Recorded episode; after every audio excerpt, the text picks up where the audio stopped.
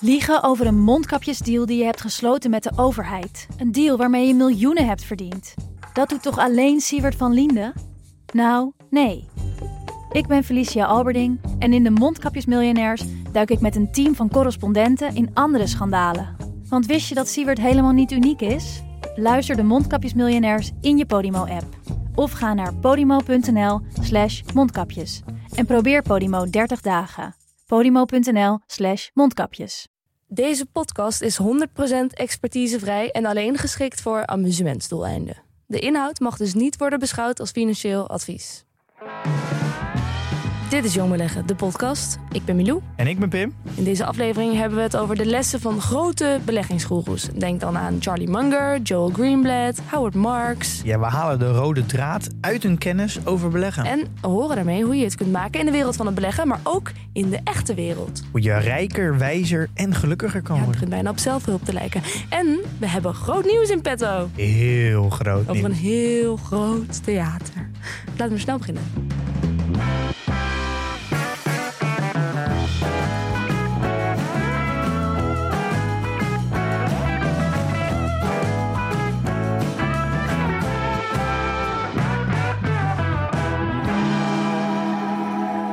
Je blij dat je terug bent, Pim?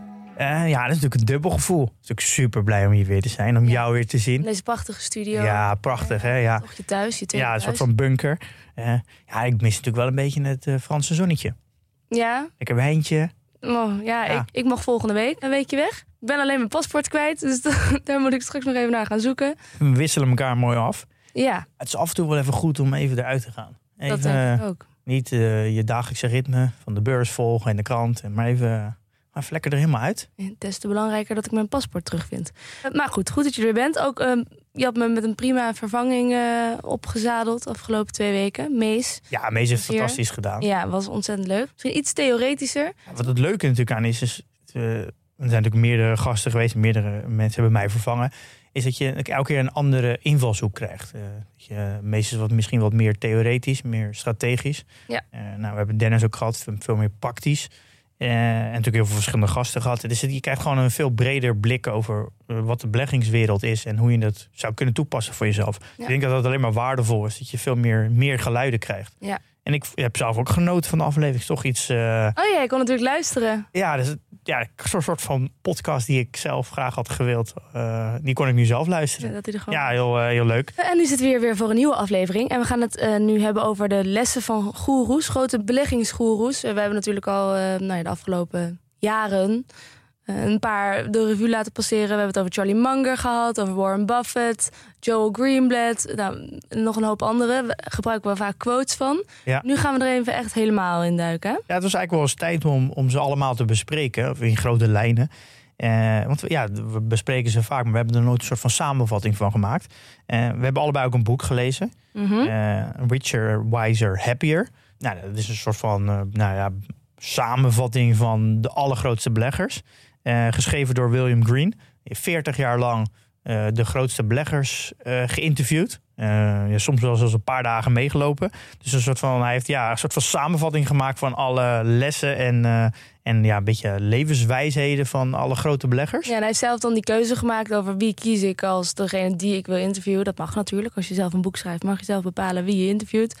Nou, dus in zijn ogen waren dit de grootste beleggers. En dan heeft hij het dus over. Hij noemt er een hoop hoor. Hij noemt er een stuk of. Nou, hoeveel noemt hij er? 40, ja, 40 Ja. worden er. eh, Ja. Dus zij gaat ze niet alle 40 evenveel aandacht geven. Nee, want er zijn een paar die meeste aandacht krijgen. Dat zijn er acht. Dat zijn Monish Pabrai, Sir John Templeton, Howard Marks, Jean-Marie Eveillard, Joel Greenblatt, Nick Sleep, Tom Gaynor en natuurlijk Charlie Munger. Ja. Dat zijn ze. En de, de subtitel trouwens van het boek is How the World's Greatest Investors Win in Markets and Life. Dus niet alleen op de beurs doen ze het goed, maar ook in het leven. Ja, dus het, ik, het, ik denk als je. Je leert niet zoveel direct als belegger. Maar het gaat hem veel meer over meer de abstracte dingen die ze doen. En vooral over hoe ze hun leven inrichten. Ja, dus je leert geen, geen analyse doen van een bedrijf. Nee, maar- het is niet, het is niet heel theoretisch. Nee. Eh, dus Ehm, maar het is wel een, ja, het geeft een goed overview. En je kan heel mooi de rode draad tussen alle grote beleggers vinden. Het staat heel hoog aangeschreven. Hè? Ja, en het boek zit vol met allemaal tips naar andere boeken. Ja. Alle andere beleggers vertellen ook waar zij weer hun inspiratie vandaan hebben gehaald. Dus Ja. het is, wel een, eh, als je even geen inspiratie hebt voor boeken, lees dit boek, dan heb je er gelijk eh, Ja. twintig. Ja. Ehm, Maar het, het, het, het was, de recensies erover die zijn heel lovend. Overal wat je kan vinden. Iedereen zegt, "Wauw, fantastisch boek moet je hebben. Wat vind jij ervan? ja, ik vond hem, ja, dat is wel moeilijk. Ik, ik zit een beetje, in een, een beetje dubbel of ik het nou een extreem goed boek vind of niet. Ik denk dat het niet verkeerd is om te lezen. Er zijn boeken die zijn echt veel slechter. Eh, misschien had ik er veel meer van verwacht. En dat komt ook wel dat ik denk ook heel veel van eh, de verhalen die erin zitten ondertussen al ken. Ja, Dus dat had ik ook heel erg. Dat is het misschien ook wel een beetje. Want we hebben natuurlijk al vaak besproken. En het gaat ook heel erg over de, de psychologie achter beleggen. Nou, daar hebben we echt wel een aantal afleveringen, zeker een deel, eh, aan besteed. Ja, ik denk als je, eh, als je al die losse boeken leest van al die grote beleggers, want er zijn van elke belegger wel, wel tientallen boeken, dan weet je natuurlijk eigenlijk meer dan dit boek. Alleen als je dat allemaal nog niet gelezen hebt, is dit boek natuurlijk wel een mooi startpunt. Ja. Eh, als je dat allemaal nog niet weet. Dat denk ik ook. Dus het is niet, het is niet een heel dik boek. Je leest hem in principe vrij snel uit. Maar er zitten best wel wat, eh, wat lessen in. En ik, ja, ik vind het altijd leuk als je op vakantie boeken leest. Is dat ook een mooi. Dan heb je ook gelijk mooi de ruimte om, om gelijk te reflecteren op jezelf. Oh. Ja, dus dat gaan we binnenkort ook doen. Eh, want ik heb gezegd ongeveer, nou, ik geef mezelf vijf jaar de tijd. Nou, we zijn nu Om te leren beleggen, ja. halverwege, Mhm. 2,5 jaar verder. Ja. Eh, dus het is misschien eens tijd om binnenkort een eh, ja, soort van tussentijds evaluatie te maken. Eh, dus die gaan we binnenkort inplannen. Dan ga ik even door al mijn, eh, ja, ga ik mezelf evalueren. ja. En hoe bevalt het nu en waar ga ik heen? En kun eh, jij potentieel ook zo'n grote belegger worden? Nee, nee, zeker niet. Nee. Nou, de- ik zat er wel af en toe zat ik hier doorheen te lezen. En toen dacht ik, nou, dit zijn eigenschappen die misschien ook wel bij, eh, bij Pim kunnen passen. Maar daar komen we wel op. Laten we die. eh, Ja, nou, dat is misschien ook, als we dan gelijk erover beginnen, dat is misschien ook wel een beetje waar het, waar het bij mij een beetje schuurt, is dat het, het gaat helemaal niet over ondernemen. Gewoon eh, niks gaat over ondernemen. de, in het boek. Ja, en eh, eigenlijk zijn alle grote beleggers, die hebben eigenlijk alles te danken aan de ondernemers. Want zij eh, liften mee op, op de ondernemers die, die de bedrijven runnen. Ja. En het gaat totaal niet over de ondernemers. En, Mhm. Maar zij creëren naar mijn idee veel meer waarde. Dus het is, daar, Ja, ja, daar schuwt het bij mij een beetje. Dat je, waar ik daarom denk ik, ja, is het nou echt zo'n goed boek? Je kan volgens mij veel beter een goede biografie lezen of een autobiografie van een topondernemer. Dat Maakt dat je dan ook een betere belegger? Nou ja, omdat het boek gaat bijna niet over beleggen. Eh, Nee. Dus dan kan je volgens mij dan veel beter de echte ondernemers boeken lezen. En ik heb namelijk ook het gevoel dat zij lezen heel veel. Mhm. En dat zij lezen dus geen beleggingsboeken. Daar hebben ze, het, hebben ze het helemaal niet over. Ze hebben het alleen maar over dat ze vooral eh, wetenschappelijke boeken, Ah. filosofieboeken, eh, psychologieboeken en, en ondernemersboeken lezen. En dan denk ik, ja, zij lezen dus helemaal niks van beleggen. En daardoor zijn ze goede beleggers. Maar dan moeten wij dus niet beleggersboeken gaan lezen. Ja, dus dit, dit boek is eigenlijk een soort quick fix. Maar dat, dat kan eigenlijk niet. Als je echt een goede belegger wil worden, moet je andere boeken leggen, lezen. Ja, dat denk ik wel, ja. Dat, En dat, dat is wel een beetje wat er niet helemaal goed verteld wordt. Ja, ja, ja. Dat vind ik dan dat er wel had verteld moeten worden. Hm. Eh, Oké. dus maar dat, dat is wel, wat vind ik sowieso altijd een beetje schuur hoor, in, in de beleggingswereld. Je hoort heel veel beleggers altijd aan de zijkant staan hoe ondernemers het beter moeten doen. Dat daar gaat, als je een, een, eh, een boek, boek openslaat of een podcast of een analyse, dan gaan heel vaak analisten of beleggers die gaan dan heel erg de les lezen hoe ondernemers hun token moeten runnen. Ja. Maar het zijn vaak mensen die helemaal zelf nooit een onderneming hebben gerund. En dat, dat schuwt bij mij altijd heel erg. Ja. Zo van, ja, je hebt nooit een onderneming. Je weet helemaal niet hoe het is om 500 man aan te sturen. Wie ben jij nou om dan zo, zo te doen over hoe je, hoe je het beter kan doen? Je hebt nul ervaring als ondernemer. En dat vind ik echt dat vind ik een heel moeilijk onderdeel van de beleggingswereld. Dat er zoveel mensen zijn die het allemaal denken hoe het beter kan. Maar het eigenlijk helemaal niet kunnen. Nou, misschien maakt dat je wel juist een goede belegger of een betere belegger. Nou ja, dat maakt denk ik misschien juist ook een slechte belegger. Omdat ik daardoor veel te veel eh, vanuit een ondernemer denk. En misschien veel. Dus dat is misschien juist niet. Je moet juist afstand hebben van een onderneming. En veel Ja. eh, kritischer en objectiever kijken. Dus dat is wel een, een struggle die constant. eh, waar ik constant met mezelf mee in gevecht zit. Hm. Tussen de- me- mezelf als belegger en mezelf als ondernemer. Nou, misschien kun je daar nooit nog eens een boek over schrijven. Nou, nou. nou. loop ik op de zaken vooruit. Goed, laten we beginnen met eh, die lessen die we eruit hebben gehaald. We hebben wel een soort van rode draad in het boek kunnen trekken. Want wat opvalt is dat over veel zaken zijn deze beleggers, die de meeste aandacht krijgen, eh, het wel op bepaalde manieren met elkaar eens. Ja, er, is, er zit wel echt een hele grote rode draad in. En dat is, je moet tegen de stroom in durven zwemmen. Nou Oh. ja, je moet het kunnen eigenlijk. Want de kudde die heeft het vaak gewoon fout. Ja, dat, ja, dat klopt. Eh, ja, dat zitten wel bij heel veel bekenden hoor, die we, die we allemaal wel kennen. En dat is eentje dat je in het contrair moet denken. Dus, eh, ja, een soort van counter-intuïtief. En, eh, Dat zijn ze allemaal wel een beetje. ja, en Howard Marks had daar wel een, een hele mooie over. Dat eigenlijk alles wat belangrijk is in beleggen is counter-intuïtief. En alles wat obvious is, dus alles wat duidelijk is, is fout. En dat is wel een beetje wat, je, wat in beleggen over het algemeen was. Is als iedereen, als iedereen links gaat, dan kan jij beter rechts gaan en andersom. Maar ik dat, zag hier ook heel erg een parallel met de. Dat gaat ook over winning in life. Ook winning in zeilwedstrijden. Als iedereen achter elkaar aanvaart de ene kant op, kun jij, als je toch niet voorop ligt, kun je beter denken van nou, ik probeer gewoon die andere kant op te varen. Dan heb je nog een kans om, om te winnen. ja, Weet je, dat is precies. Ik moest daar heel erg aan. Ja, nee, dat, ja, maar ik denk dat het met ondernemen ook niet heel anders is. Hè? Dat als je natuurlijk, eh, als heel veel ondernemingen naar links gaan, dan kan jij beter een hele nieuwe route kiezen. Want je gaat anders nooit. Je gaat ze nooit inhalen. Nee. Anders. Maar dit is wel extreem moeilijk, want het is, je moet, Je moet het durven. ja, en je krijgt dan heel lang. Ja, het is, emotioneel zwaar. Want het kan soms zijn dat je gelijk hebt, dat je, je de goede kant op gaat, maar dat, je dat, dat dat nog niet zichtbaar is. Dus dan duurt het misschien een jaar voordat je gelijk krijgt. Ja. En in dat jaar is het extreem moeilijk om dat vol te Ja. houden. Maar Ja. als het je een keer is gelukt door op zo'n manier echt links af te slaan en je wint dan, dan denk je wel volgende keer, dan ben je wel extra gemotiveerd om nog een keer Ja. links af te slaan. En zo kun je wel jezelf helpen om op dat pad te komen. Nou, ik, je merkt ook in alle grote beleggers, die hebben best wel flinke outperformance. Ja, daardoor zijn ze natuurlijk grote beleggers. En die hebben allemaal wel minimaal één keer echt extreem contrair gehandeld. En dan ook echt zwaar op ingezet. Dus Ja. die hebben allemaal een keer een soort van tegen de menigte. eh, zijn tegen de menigte ingegaan hebben, en hebben gewonnen. En daar komt ook wel vooral die outperformance van. Dus ze hebben, ze hebben op het juiste moment echt toegeslagen. En dat Ja. hebben ze allemaal gedaan, sommigen zelfs meerdere keren. Ja. Ja, dat is wel, eh, dat valt wel op. Er zitten ook een paar, echt een paar beleggers tussen die ook vertellen van dat hun fonds gewoon met 70% is leeggetrokken. Omdat, eh, omdat die zo contrair ging handelen dat iedereen, en dat ging in instantie zo slecht, dat iedereen gewoon zijn geld uit het fonds trok. 70%, dat is echt gigantisch. Ja. En dat er ook zegt, ja, je, je lijkt echt, je wordt volledig voor gek gezet. En maar op het moment dat je gelijk hebt, dan draait alles en dan ben je een genie. Ja. Het, is, het, het verschil tussen een gek en een genie is dan in één keer heel dun. ja. In die zin helpt het dus wel als je inderdaad, als het je niet uitmaakt wat andere mensen van je vinden. Ja, dat is ook waar het ook heel over gaat. Dat, eh, dat je, je moet jezelf heel erg kunnen isoleren. Dus je moet je immuun maken voor meningen van anderen. Je moet heel erg eh, het spel met jezelf spelen. Ze noemt ook heel, het gaat heel erg over de inner game, Ja. die heel veel wordt genoemd. Dus je moet jezelf volledig onder controle hebben. Je moet al je emoties goed kennen. Je moet heel goed herkennen bij jezelf wanneer komen er welke emoties op. En dat je dat kan controleren. Dat je als iemand anders iets, iets zegt, dat je daar eh, niet door beïnvloed wordt. Want Ja. je kan niet iemand anders mening beïnvloeden. Je kan alleen beïnvloeden hoe je, dat, hoe je die mening ontvangt. Ja. Daar heb je invloed op. Maar het zit ook wel heel erg. Je hoeft niet een perfect mens te zijn, een perfect te functioneren. Het is ook vooral ken je fouten. Ken je als jij gevoelig bent voor autoriteit en je ziet van oh, de alle grote beleggers doen dit.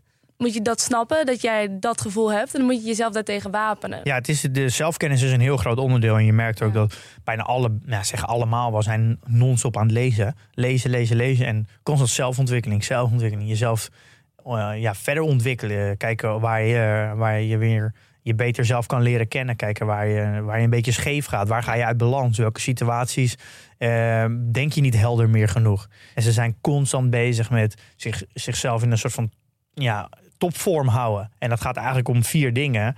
Eh, de voeding zijn ze heel erg mee bezig. Slapen, eh, bewegen.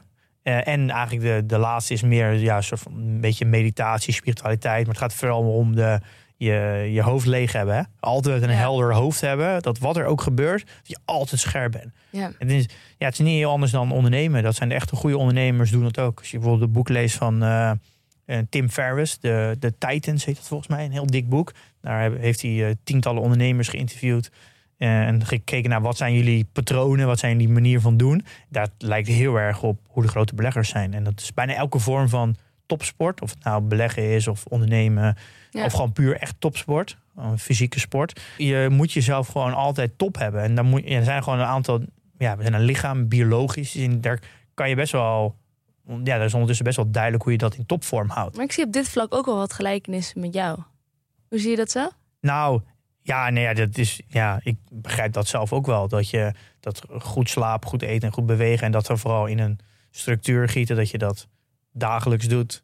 Ja. Eh, waardoor het relatief weinig moeite kost. En dat, het, dat je die gewoonte elke dag doet. En jezelf kennen en veel Ja. lezen en beter worden. Ja, maar dit Wel is echt op een pad, een, een stip aan de horizon hebben, daar naartoe willen. ja, focus, eh, consistentie, Ja. eh, gewoontes creëren. Maar dat is, ja, dat is denk ik iets voor alles wat je, waar je goed in wil zijn. Of het maakt eigenlijk niet uit in wat. Dan heb je dat eigenlijk wel nodig. Anders kan je gewoon niet een, een topprestatie leveren. Ja. En dat is ook gewoon heel goed kennen hoe zit je lichaam in elkaar. En daar, eh, ja, ja, daarop je leven inrichten. Ja. En bij de ene zal dat meer slaap zijn. En de ander bij meer voeding. De ander meer bewegen. De ander veel meer eh, ja, een vorm van rust. En die rust kan vinden door bijvoorbeeld een, eh, een geestelijke boswandeling te maken. En de ander door een fysieke boswandeling te maken. De, ja, iedereen moet daar zijn eigen manier voor vinden. Hoe die zich ja, een soort van altijd top kan voelen. Ja. Eh, en het, wat, wat ik bijvoorbeeld heel erg heb, is een lijstje voor mezelf van als ik uit balans raak, wat ik dus heel snel herken, dan heb ik gewoon een lijstje van stappen die kan ik doorlopen en dan, en dan ben ik weer in balans. Dus dat, en dat merk je ook wel met de beleggers. Die, die mensen zijn niet, niet voor niks de grootste beleggers geworden. Dat haal je er wel heel erg uit. En dat is ook met, denk ik, met ondernemen. Je wordt niet voor niks een topondernemer. Er zit altijd iets onder dat zij structureel hebben gedaan voor tientallen jaren. Zodat ze, daarom zijn ze zo groot geworden. En dat merk je eigenlijk met alle grote beleggers ook. Ja. Eh, zelfs Warren Buffett heeft daar heel duidelijk een, eh, een opmerking gemaakt over gewoontes. Het habits komt in het hele boek terug. Dat het, ja, dat het onwijs belangrijk is dat je hele goede gewoontes hebt op jonge leeftijd. Want als je eenmaal is het, 45, 50 bent, dan is het extreem moeilijk om je gewoontes nog te veranderen. Mhm. Ja. ja, en als je ze heel vroeg al hebt, dan wordt het gewoon automatisch. Ja, en ik, dat is een beetje hetzelfde als dat. En, en ja, die habits in combinatie met compounding, dat is natuurlijk eh, iets extreem krachtig. Als je elke dag bijvoorbeeld de 50 bladzijden leest, ja, dan heb je extreem veel boeken gelezen het einde van het jaar. En dan kost 50 bladzijden misschien relatief weinig en makkelijk te, te doen. En als je dat opstapelt en je doet dat vijf jaar of tien jaar, dan heb je extreem veel boeken gelezen. Ja. Wat relatief weinig energie kost. En dat kan je natuurlijk ook met sporten doen. Ik beweeg elke dag een half uur. Of ik eet elke dag gezond. Eh, Ja. Het zijn hele kleine dingetjes. Ik heb daar trouwens ook nog een boek over eh, gelezen die ik wel daarover kan aan. Is Atomic Habits van James Clear. Dat is een soort van samenvatting van, eh, van alle grote boeken die gaan over, over gewoontes en zo. En het is echt een fantastisch boek. Heel praktisch. Eh, kan je eigenlijk met hele, met hele kleine stapjes kan je er al mee starten. Dus echt een ben ik nog op tijd? Ik ben al bijna 31. Ja hoor, je bent altijd op tijd. Nooit te oud.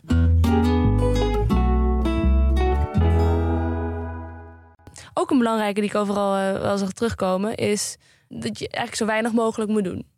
Zo niks doen bijna. Ja. Toch als belegger. Als je goed wil worden en groot wil worden... dan moet je niet, niet, niet gaan handelen. ja, dat is eigenlijk wel. Dat maakt aan de ene kant heel fijn.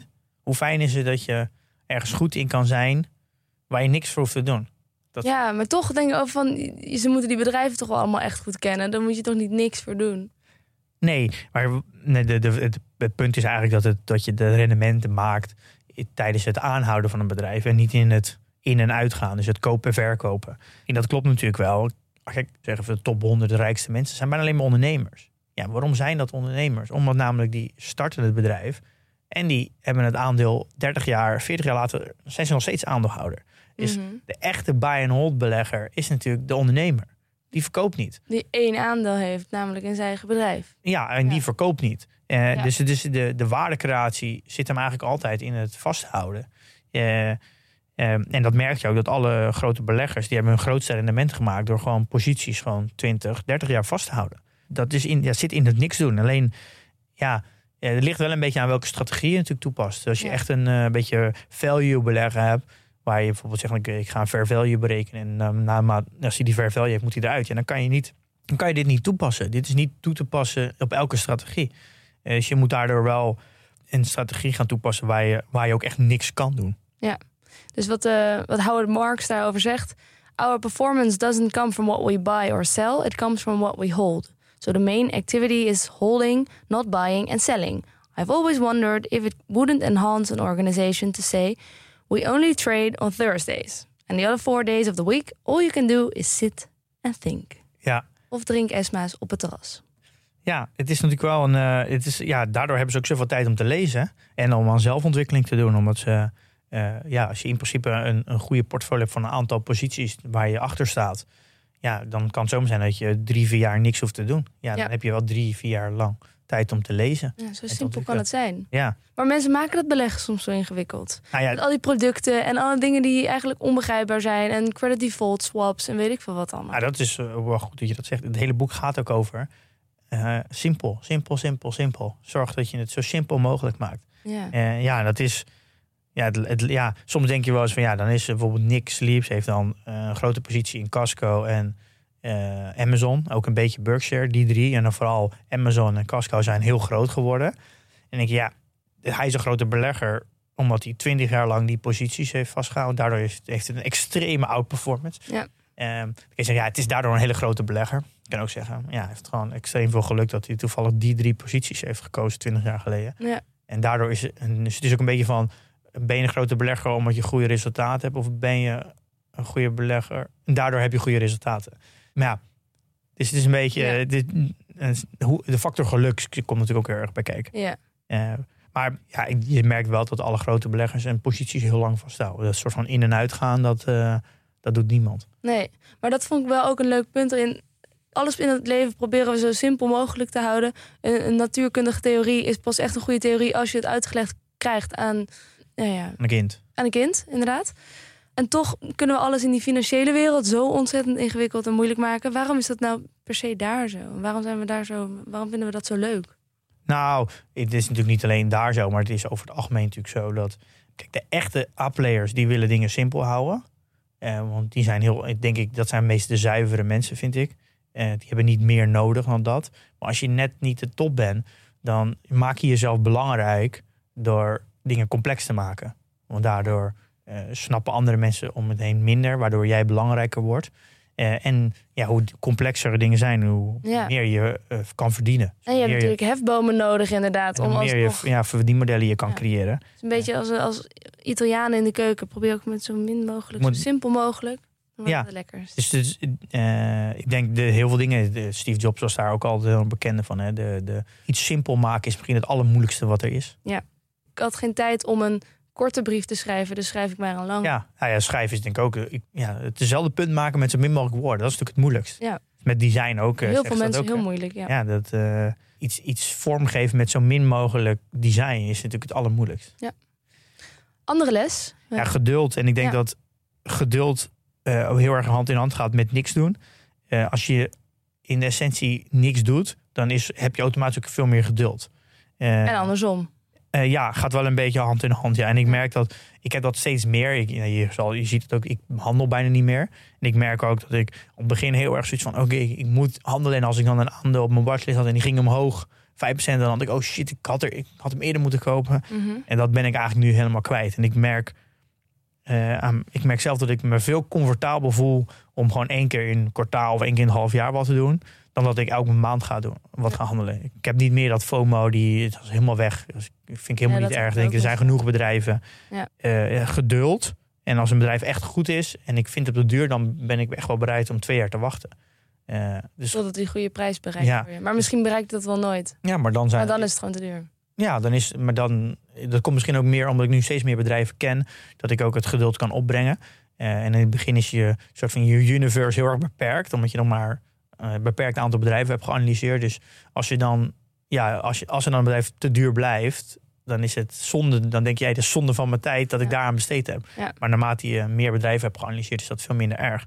Ja, dus die karaktereigenschap die zit er bij mij wel in, geduld. Ik, heb, ik ben daar helemaal niet gevoelig voor. Dus dan zal Ik ben helemaal niet geduldig. Nee, ja, ik wel heel erg geduldig.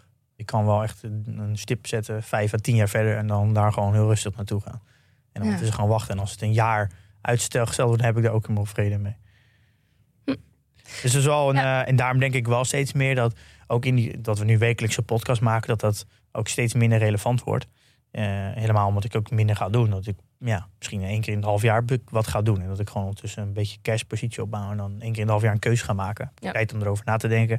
Nou, Ja, dan is het- proberen er geduld voor op te Dus brengen. dan een hal, elke eh, week een podcast maken heeft dan minder zin natuurlijk. Ja, Ehm, Um, Monish Pabrai zegt hier trouwens over... The number one skill in investing is patience. Extreme patience. Monish Pabrai vond ik trouwens wel een geinige vent. Ja, leuk hè? Ja, die doet dus alleen maar wat hij zegt. Hij is een, puur een copycat. Hij doet precies na wat Warren Buffett en, en Charlie Munger doen. zeggen. Ja, ja, basically wel. Ja. Hij kopieert gewoon, eh, Vrijwel alles. maar niet alleen van beleggers, maar hij kopieert gewoon alles in het leven. En het mooie is, dat doen, doen wij eigenlijk allemaal. Want, Ja, want ja, er zijn maar een, een handjevol mensen die echt originele ideeën hebben.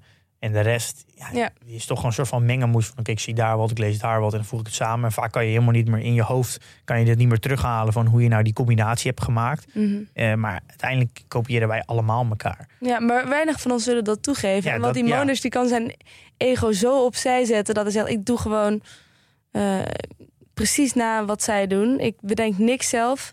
Eh, ik heb nog nooit een origineel idee gehad. Nee, ik, vond- ik vond het eigenlijk heel. Het grappige is dat hij het zo vaak zegt dat het eh, juist weer origineel Ja, wordt. dat het origineel wordt inderdaad. Ja, dus Ja. het is wel, ja, nee, heel mooi. Ja, uiteindelijk doen we dat allemaal. Hè.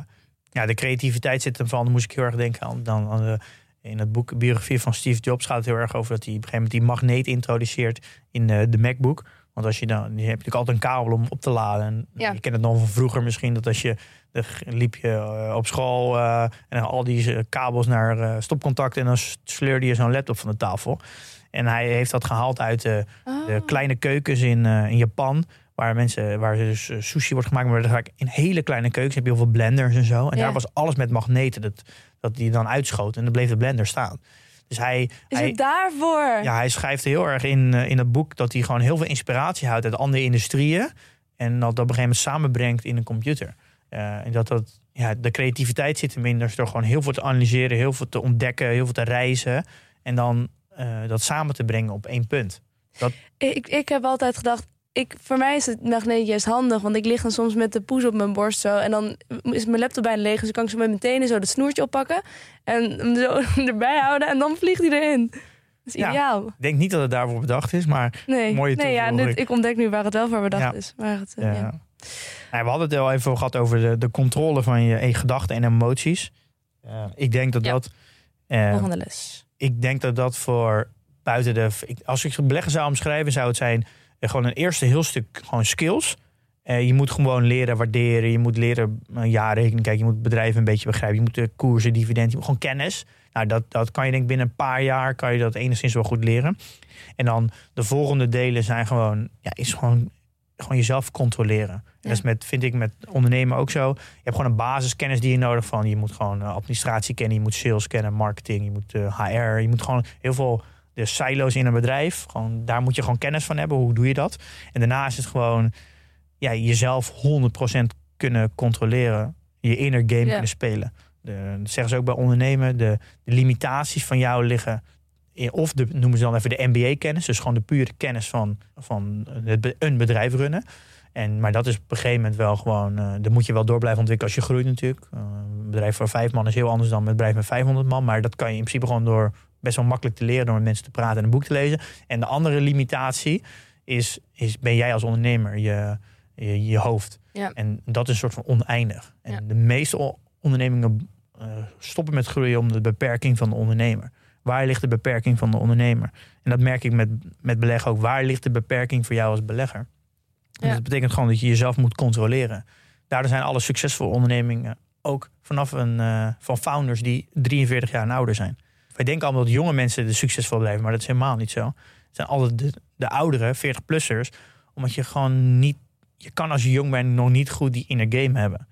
Eh, Kan niet. nee, dat ben je vaak. Ja, er zijn altijd uitzonderingen natuurlijk. Ja. Maar dat is gewoon, eh, ja, dat is gewoon heel moeilijk. Omdat je, ja, als je, ja, je bent zelf puber geweest. Het is onwijs moeilijk om, je, om jezelf heel goed te begrijpen op jonge leeftijd. Ja. En eh, dat denk ik dat, je, dat dat ook met, met beleggers. Je ziet ook vooral de alle beleggers die worden gesproken zijn ook, ook heel erg oud. Dat is natuurlijk een reden Ja. dat ze heel oud zijn. Er zijn heel weinig beleggers die heel jonge leeftijd beginnen en ook wel goed zijn. ja, dat is ook met compounding natuurlijk te maken. dat ook bouwing, maar ook dat je het gewoon, het is gewoon moeilijk. Het is gewoon, je hebt jezelf gewoon nog niet goed, je begrijpt jezelf gewoon nog niet Nee, goed ben- dat is nog een proces. Ja. Ja. En ik vond die van eh, Charlie Munger, die is denk ik wel de soort van lopende psychologieboek. Ja. Eh, ik vond zijn, ja, die kennen we natuurlijk wel, de invert, always invert. Dat is misschien wel zo'n mooie levensles. Dus alles altijd omdraaien. Ja, en dat kan natuurlijk in beleggen kan je dat extreem goed toepassen. Van als je iets wil kopen, dan invert. Oké, wat is het risico? Wat is de andere kant op?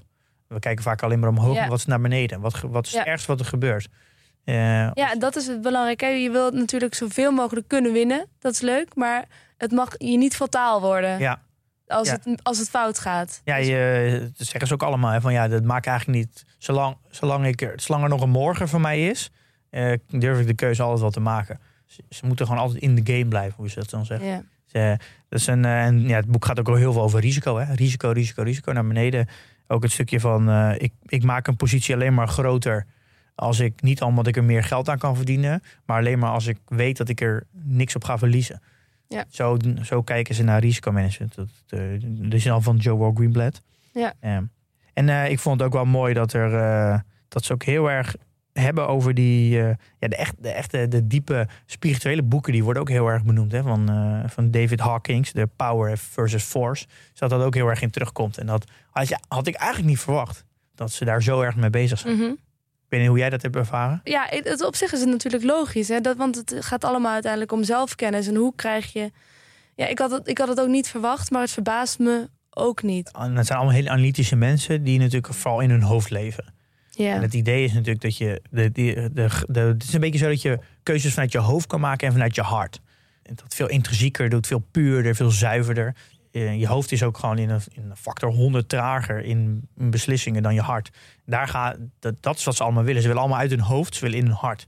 Ja. Eh, en dat, ja, dat is best grappig om dat te lezen. Dat, dat, dat is juist niet wat je verwacht van die groep. Nee, het, is helemaal, het gaat over levensstijl. En, Ja. en boeddhisme gaat het ook over. Want Ja. een van hen was eh, opgevoed als boeddhist of als hindoeïst. Ja, er werd ook een paar keer aangehaald dat, dat de familie zei dat, het net, dat ze net monniken leken. Ja, En dit gaat natuurlijk echt heel diep. Dus vind ik voor de gewone, de, de gewone luisteraar niet heel erg toepasbaar. Maar maar het is wel een interessante rode draad. Dat het allemaal, al deze beleggers, die, die leken zichzelf echt te kennen. En die handelden echt vanuit hun eigen persoon en hun eh, krachten en hun... eh, ja, dat is ook een, eh, wat, wat ze het ook, dat, er, dat staat er ook constant in. Eh, De key is to find what works for you. Eh, en de beste strategie is een strategie die jij in je core voelt en ook je hele leven kan blijven toepassen. Eh, en niet, eh, de beste strategie is niet degene met de hoogste rendement. Ja. De, het gaat erom dat jij echt die strategie oont, voelt en alles in je vezels. En dat je hem ook weet dat je de komende 30, 40, 50 jaar kan volhouden. En want dan ga je sowieso succes hebben. De- En dan gaat het compounding natuurlijk werken. Dat is, en ik, als ik dan dat naar, me, naar mezelf vertaal, merk ik gewoon dat als je echt zo'n flinke daling hebt, merk je gewoon dat je bij sommige aandelen dat je niks doet. In ieder geval dat heb ik dan. En bij sommige aandelen dat je dat het heel veel met je doet. Ja. En ja, daar, als je dat dan heel erg terugberedeneert, denk je, ja, dan, dan ga je gewoon fouten maken bij de aandelen die, waar je zo aan het wankelen raakt. Mhm. dat ga je, dat ga je nooit 30, 40 jaar volhouden. En dit raakt ook weer een beetje aan een andere belangrijke les van de goeroes. Beleg alleen in wat je begrijpt. Ja, nou ja, ja, klopt. Dat is een mooie stap. Dat is misschien wel het, ja, misschien het logisch, maar ook wel weer het moeilijkst. Eh, want ja, wanneer begrijp je nou echt iets? En je begrijpt pas echt iets, denk ik, als je heel lang belegt. Want dan heb je veel meer ervaring. En je gaat sowieso denken dat je iets begrijpt. En achteraf bleek dat je het niet begreep. Mhm. Eh, maar ja, dat is fouten maken. Dat maak je nou eenmaal. En wat ik daar het meest opvallend aan vond, is dat ze allemaal zeiden... welke belegger ik ook spreek, vooral grote beleggers... zij hebben allemaal een lijst klaar met de dingen waar ze niet in beleggen. Dat is voor hun allemaal zo duidelijk. Ja. En dat is ook de makkelijkste manier om... Ja, zo om weg te strepen, dat is natuurlijk de makkelijkste manier. Ja. We de hele beleggingsuniverse hebben, is gewoon heel veel wegstrepen. En dan alleen maar kijken naar wat er overblijft. Ja. ja, dan komt dat bekende cirkeltje van kunde natuurlijk weer terug. Maar hier is de FOMO natuurlijk wel extra groot. Want dan heb ik het, eh, als mensen mij vragen, doe je ook crypto? Dan zeg ik altijd nee, daar begrijp ik gewoon helemaal niks van. Nou, helemaal niks. Ik begrijp daar niet genoeg van. Maar dat is natuurlijk wel het allermoeilijkst. Want je hebt wel het idee van, oké, maar ik zal, wel het, ik zal hier wel gewoon niet slim genoeg voor zijn. En de rest snapt het allemaal wel. En iedereen doet het, dus het zal wel goed zijn. Ja, ja, dat is natuurlijk weer dat, dat je jezelf... Dan gaan alle alarmbellen af als je dit boek hebt gelezen. Dat is gewoon, Ja, maar dat moet je dan, als je jezelf natuurlijk heel goed in balans hebt, dan ben je daar helemaal niet vatbaar. Nee. En ik, ik begrijp het niet, dat is prima. En als het, ja, ook al gaat het heel hard omhoog, ja, ik begrijp het niet. Het, maakt, het interesseert me dan ook niet dat ik dat mis. Ja. Eh, en ik vond nog wel een mooie, en dat is misschien past ook echt wel in deze tijd. En dat van Howard Marks. Mhm. Avoid future-oriented investments. Die vond ik heel leuk. ja. Eh, sowieso Howard Marks eh, vond ik, eh, maakte het meeste indruk op mij in ik ken boek. hem nog niet zo goed. Daar ga ik zeker wat meer over lezen. Ik denk, ja, dat hoofdstuk vond ik het leukst. Wat vond je zo goed aan hem? Eh, Want zijn hoofdstuk waarin hij wordt aangehaald, dat, dat gaat over dat alles verandert. Everything changes. Dat je nooit moet aannemen dat iets... ja, hij hij heeft het heel erg over de Dat market. was de boeddhist. Hij hij heeft het heel erg over market timing. Dus hoe, hoe ga je om met, met de economische cyclus en macro-economie? Hoe ga je daarmee om? Welke type bedrijven, eh, wat zijn echt een beetje de red flags in bedrijven. Ja. En dat je heel flexibel moet zijn in je keuzes. Van ja, als de omstandigheden veranderen, moet je ook gewoon mee veranderen. Eh, dat is helemaal niet erg. Eh, ik vond het heel erg toepasbaar. En ook het, wat volgens mij heeft uh, Mees het ook gezegd, dat oh, er was ook een quote van Hout Marks, dat je gewoon moet bepalen wanneer ga je offense en niet defense. Dus wanneer zit je in een periode dat je, dat het, Ja. dat je wat meer offense moet zitten en wanneer zit een periode waar je meer defense. Zo moet je meer naar de economische cyclus kijken. Ja. Ehm, maar over die eh, future-oriented investment vond ik wel mooi. Dat hij zegt, je moet eigenlijk gewoon dat vermijden. Alles wat, waar, waar het gaat over toekomstige eh, investeringen. Is eigenlijk gewoon een bedrijf die presenteert wat. En in de toekomst gaan we dit doen. Die moet je gewoon per definitie vermijden. Ja. Eh, want de kans dat het precies zo loopt zoals het management omschrijft... is gewoon heel klein. Dat is gewoon... alles wat gaat over toekomst is gewoon per definitie... Eh, Ja, eh, nou, en dat is natuurlijk deze tijd wel interessant, want we hebben natuurlijk vooral een, een beetje, en nu is het wel weer wat minder, maar net eh, zo'n boom na corona, dan ging het een beetje alles wat toekomst was. Nou ja, de dotcom bubble was natuurlijk ook volledig eh, future-oriented investment. Alles wat toekomst was, eh, ging omhoog. Die moet je gewoon per definitie vermijden. Dus, en hij legt dat heel mooi uit in, Ja. in het boek. En dan is er nog de les over de compounders. Dit was trouwens best wel een, een term die ik nog niet kende. Ik ken compounding natuurlijk. Maar bij compounders hebben we het dan over bedrijven. Ja, ik, heb, ik, ik kende de term eigenlijk al heel lang. Het verbaast mij dat we daar nooit een aflevering over hebben gemaakt. Dus gaan we Ja. binnenkort eens een keer doen. Mhm. Ehm, ja, compounders, wat daarmee wordt bedoeld, zijn bedrijven die eh, echt kwaliteitsbedrijven, eh, die een, eh, ja, structureel een hoog rendement hebben op het geïnvesteerd vermogen. Dus eigenlijk de ROIC. En jaar in, jaar uit een, een omzet en winsten kunnen laten groeien, ongeacht de economische cyclus. Ja. Dus die zijn niet gevoelig voor wat er gebeurt in de economie. Dat zijn de echte compounders. En ja, dat zijn naar mijn idee de enige bedrijven waar je, waar je echt een buy and hold in kan doen. ja, waar je die 20, 30 jaar vast kan Ja, houden. want dat, ja, dat zijn bedrijven die dus elk jaar groeien, elk jaar omzet maken, elk jaar meer omzet maken, elk jaar meer winst. En omdat ze best wel een hoge rendement op geïnvesteerd kapitaal hebben, gaan de marges ook steeds meer omhoog. Mhm. Ja, dat zijn eigenlijk de enige bedrijven die, waar je lang in kan beleggen. En je merkt wel dat alle grote beleggers eigenlijk uiteindelijk daar naartoe zijn gegaan. Mhm. Dus je hebt allerlei soorten strategieën die ze in het begin hebben toegepast. Dan heb je dan eh, die cigar butt strategie die heel veel voorkomt. Ja, dat is dat je een slecht bedrijf koopt dat bijna opgebrand is en ja, dat op de goede omdat moment. B- BM en Graham natuurlijk eh, eh, allemaal... Ja, iedereen is daarmee begonnen eigenlijk, al die grote beleggers. Mhm. is een beetje de grondlegger van, van een beetje een mentor geweest van iedereen, denk ik wel. Maar je merkt wel dat, dat, eh, dat ze allemaal verschuiven naar compounders. En daar Ja. wel een, een grootste rendementen mee gemaakt hebben. En dan kan je tenminste ook eh, het niks doen toepassen. En dan heb je ook het geduld. En dan kan je ook aan je, kan je, heb je heel veel tijd om te lezen. En kan je aan jezelf werken. Ja. Er wordt wel een paar keer in omschreven van welke. eh, ja, hoe vind je nou bedrijven? En er zijn een beetje de standaardlijstjes zoals een bedrijf wat, wat winst maakt met een goede ROIC, kwalitatief management. en heeft genoeg ruimte om de winsten met een eh, ja, goed rendement te kunnen herinvesteren. En het Ja. moet gekocht worden op een, een, een, een fatsoenlijke prijs. Maar in het boek zegt Will Denoff daarover... uh, Look for companies that can double their earnings in five years... because eventually the stock price will follow it. Maar dan kun je ook afvragen of dat wel zo is. Want dan is, is dat dan niet al, zijn die winsten in de toekomst niet al ingeprijsd?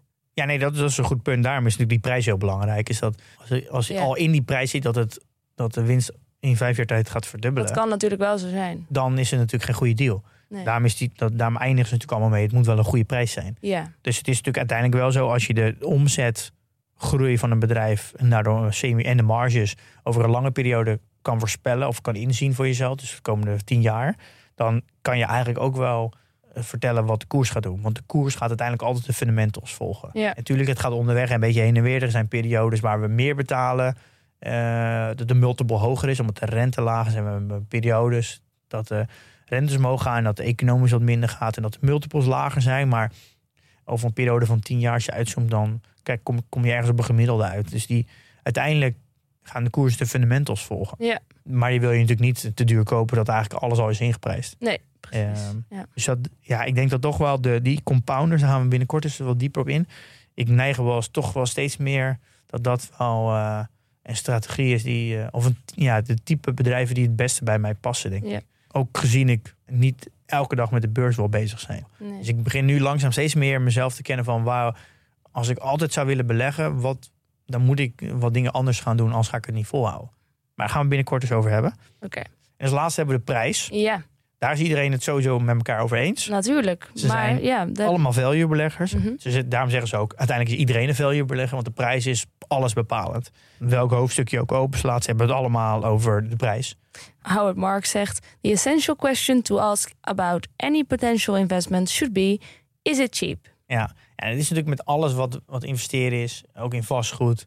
De, de winsten zijn 9 van de 10 keer behaald in de aankoopprijs. Ja. Eh, en eh ja, Howard Marks zegt ook van, eh, ja, hoeveel optimisme is al ingeprijsd? Dat Ja. moet je weten. Nou, dat komt heel erg over die, eh, Ja. die waar we het net over hadden. Maar dat is dus heel belangrijk en eigenlijk onontkomelijk. Je moet hem wel weten hoe je moet waarderen. Ja, dat Joe Greenblatt zegt het ook van, do you know how to value a business? Ja, en als je dat niet weet, Dan kan je beter stoppen. Ja. ja, dat is natuurlijk ook logisch. Want ja, je kan geen investeerder zijn in wat dan ook. Of het nou is in whisky, Pokémon kaarten, auto's. Als je niet een waarde kan inschatten van wat je koopt.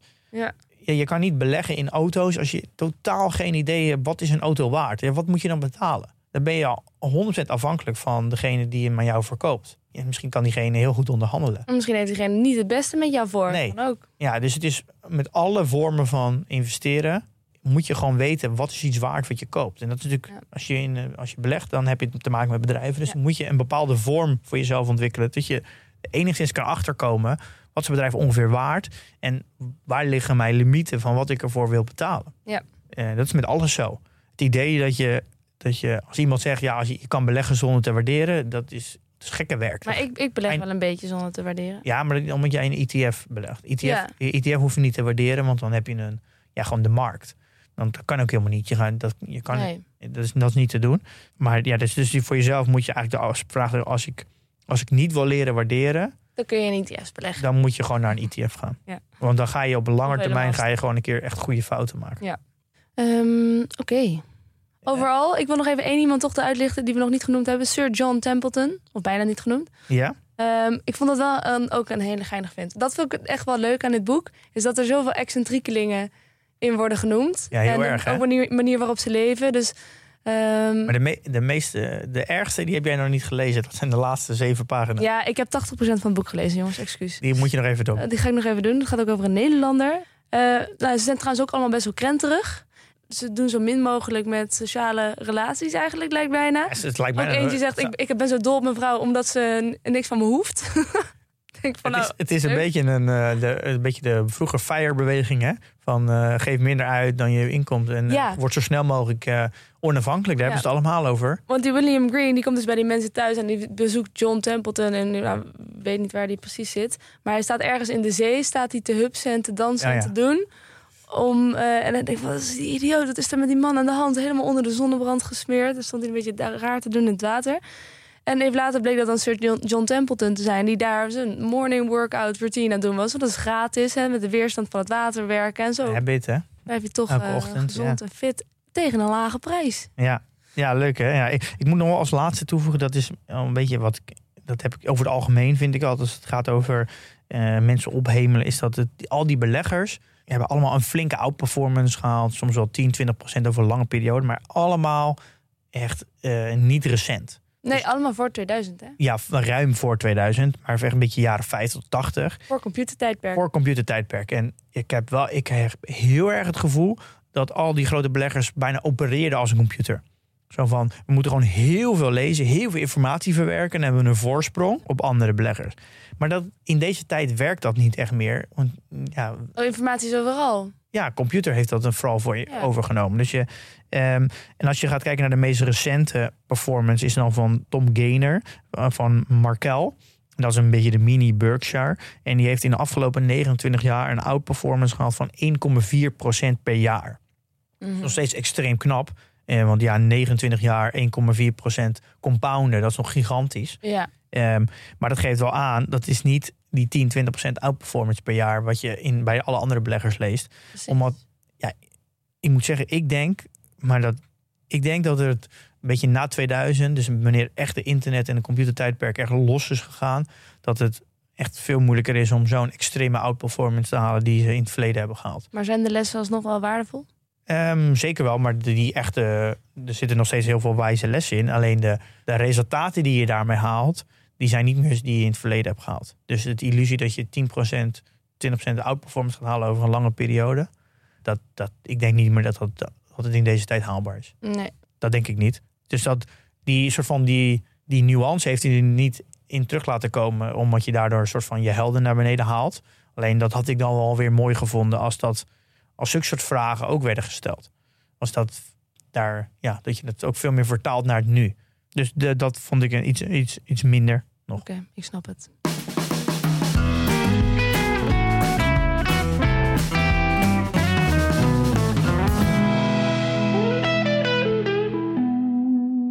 Pim, er is goed nieuws, hè?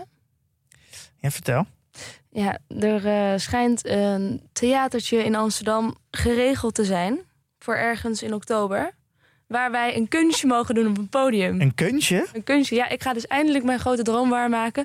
Uh, wie had ooit kunnen weten dat het vervolgens over beleggen zou gaan? Ik niet. Maar we gaan het theater in. Met Jong Beleggen. Jong Beleggen de show. Jong Beleggen de show? Wat zeg Ja. je nou, Milou? Ja, En waar gaan we dat dan doen? eh, in de Kleine Comedie in Amsterdam dus. Kleine comedie? Ja, kunnen 500 mensen in dat de is toch zaal. die, eh, die grote zaal Jij bent met, alvast met acteren begonnen, met zie die ik. theaterstoelen? ja. En zo'n groot licht op een podium? ja, en van die grote rode Oh. gordijnen en een Oh. spotlicht. En eh, er gaan geruchten dat er eh, gezongen gaat worden. Maar er, gaan ook geruchten dat het ook weer heel inhoudelijk wordt. Zoals, zoals je altijd natuurlijk van ons kan eh, Podcast on stage. verwachten. Precies, een podcast on stage. En daar kun je dus bij zijn. Tenminste, als je vriend van de show bent. Want eh, dan ga je dus naar de community. En dan vind je daar een kortingscode.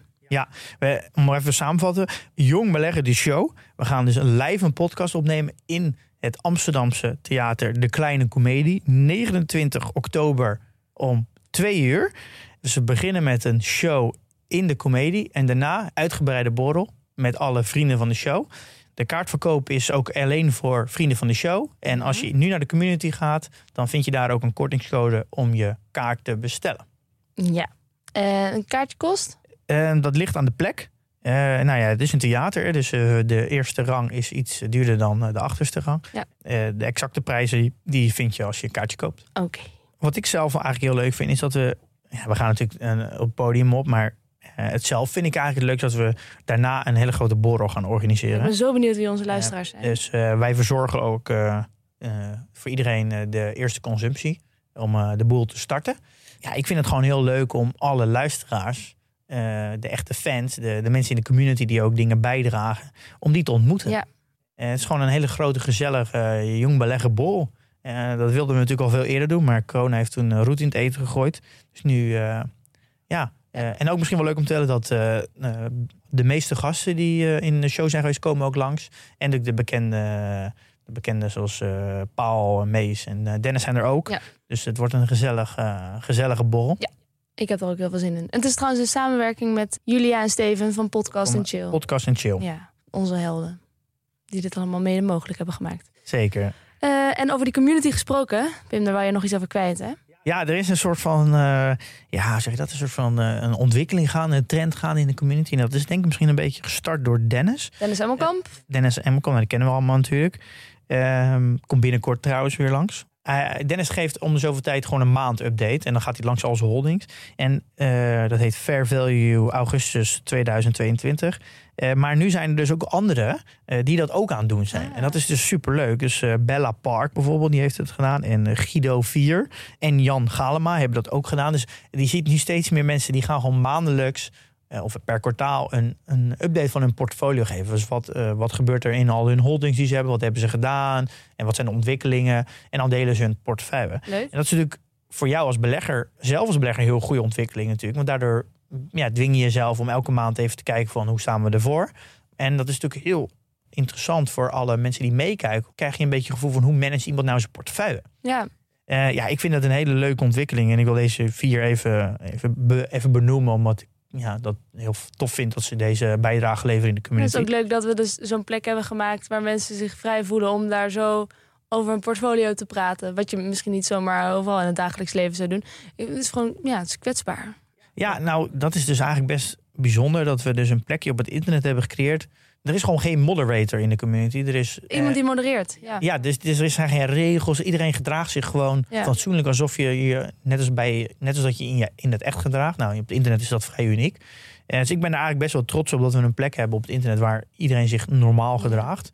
En nou, als je bijvoorbeeld een keer op Twitter zit, dan, dan merk je hoe bijzonder dat is.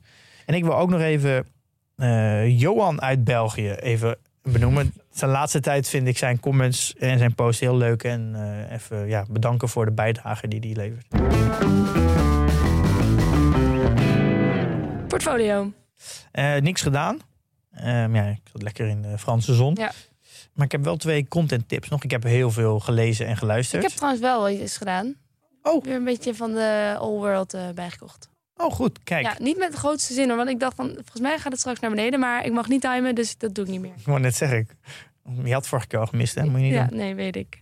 Ik heb eh, best wel veel eh, kunnen lezen en luisteren. En ik heb eigenlijk eh, twee die ik nu even wil delen. En dat is de aflevering Mark Zuckerberg bij de Joe Rogan Experiment. Ja, ik las daarover. Hoe was En- dat? Ik heb hem nog niet gezien. Ja, ik vond het. Ik ben de laatste tijd heel veel van Mark Zuckerberg aan het luisteren. En heel veel over, die, over VR en AR aan het, aan het lezen. Metaverse. Ja, als er gewoon als er iemand de meest gehate persoon in de wereld is, het wel Mark Zuckerberg. Maar ja, ik moet zeggen, ik heb wel een beetje een zwak voor hem. Ik, heb, eh, ik vind hem eigenlijk wel een tof kerel. En hij- hoe meer ik naar hem luister, hoe meer, hij is zo genuanceerd. Hij is zo intelligent. Zo, en eigenlijk best wel een visionair is hij. Mhm. En hij kan dat heel mooi, al mooi uitleggen. Dat hij zegt, ja, we hebben 3,5 miljard mensen op het platform. Dat is dus dat is een beetje de hele wereld. Dus er zijn zoveel landen in de wereld die allemaal hun eigen regels en eigen cultuur hebben. En hij heeft een plek waar alles samenkomt. Ga maar eens eh, regels bedenken, structuren maken, keuzes maken waar iedereen is. Kleine stukjes van de wereld lukt het niet eens. Buren hebben zelfs ruzie, eh, omdat ze het niet met elkaar eens zijn. En hij moet maar een plek op het internet creëren waar iedereen het met elkaar eens is. En hij zegt ook, eh, de complexiteit van keuzes is enorm. Ja. Zij zeggen, als wij een foutje maken van 0,1 procent, 0,1 procent, dan maken wij miljoenen fouten. Dat, dat is zo'n... Zo de veel doen ze. Ja, dus de, de manier hoe hij, hoe hij hier soort van tussen laveert is eigenlijk best knap. Eh, en hij kan dat best wel goed uitleggen. En hij is echt iemand die, die echt alles weet van alle kleine details. Dat vind ik, ja, hou ik van als, eh, Ja. als ondernemer. Dat, dat, een, dat een ondernemer dat kan. Leuk dat hij bij Joe Rogan ook gaat zitten. Ja, en hij heeft, ja, hij heeft hij wel goed geregeld, Joe. Heeft Joe goed geregeld, maar Mark heeft daar natuurlijk gewoon zichzelf aangeboden, denk ik, om de eerste uur te praten Ja. over een metaverse. En over AR en VR. En hij heeft daar natuurlijk ook een primeurtje gepakt. De Quest VR headset, die in oktober wordt gepresenteerd van eh, Oh. Meta. Die, wordt, eh, die heeft hij daar gepitcht. En Joe Rogan heeft natuurlijk geprobeerd met eh, eye tracking. En die heeft natuurlijk heel lovend over dat product gepraat. Ja, ja. Ehm, dus in, in oktober komt, komt er een nieuwe Een headset. tweetje van... de- ja, en het laatste uur was meer een vrij gesprek. Hm. Ik vond het best wel interessant om, om te luisteren. Eh, of als je in meta wil beleggen, of je bent eigenaar, of je wil daarin beleggen, is het interessant. Maar ik denk ook dat het in het algemeen interessant is, omdat je namelijk de kans is heel groot dat je producten gebruikt die hij maakt, is ook groot. Dus Ja. op, dat, op dat vlak is het ook interessant. En je had nog een tip of wil je die voor de volgende keer bewaren? Eh, kijk, ik heb nog een tip, maar die neem ik dan mee naar de volgende keer. Dan, eh, ja, volgende keer is dan wel over twee weken. Want volgende week eh, ben ik even met vakantie. Als ik mijn paspoort kan vinden. Ehm, Ja, maar dat is natuurlijk het verschil. Als ik op vakantie ga, dan hebben we een vervanger. Als jij op vakantie gaat niet, Ja. jij bent niet te vervangen. nee, ik ben de st- constante, stabiele factor. Ja, jij bent eigenlijk eh, het talent in, eh, in deze kamer. Dan kun je me nog een talent noemen? Ik doe dat nu al 2,5 jaar. Ja, maar je blijft je Ik ontwikkelen. ben, ik ben, ja, oké, dat is waar. Oh. Eh, jongens, nou ja, goed. We zijn er ik er helemaal verlegen van. Ehm, wil je verder nog iets kwijt? Eh, Oh, ik wil nee, wel ja. één ding kwijt nog. Ehm, wie wil mijn boek hebben? Richer, Wiser, Happier van William Green. Ik ga het niet nog een keer opstu- eh, opsturen, dat vind ik te veel gedoe. Maar degene die als eerste op Instagram reageert, die mag hem eh, komen ophalen. In Amsterdam. Oké, prima. En wat is je, je Instagram? Ja, oh, Instagram Milou laagstreep brand. Dat is het. Ja. En mijn adres, dat deel ik dan later wel. Ja, dat zou ik niet doen. Nee.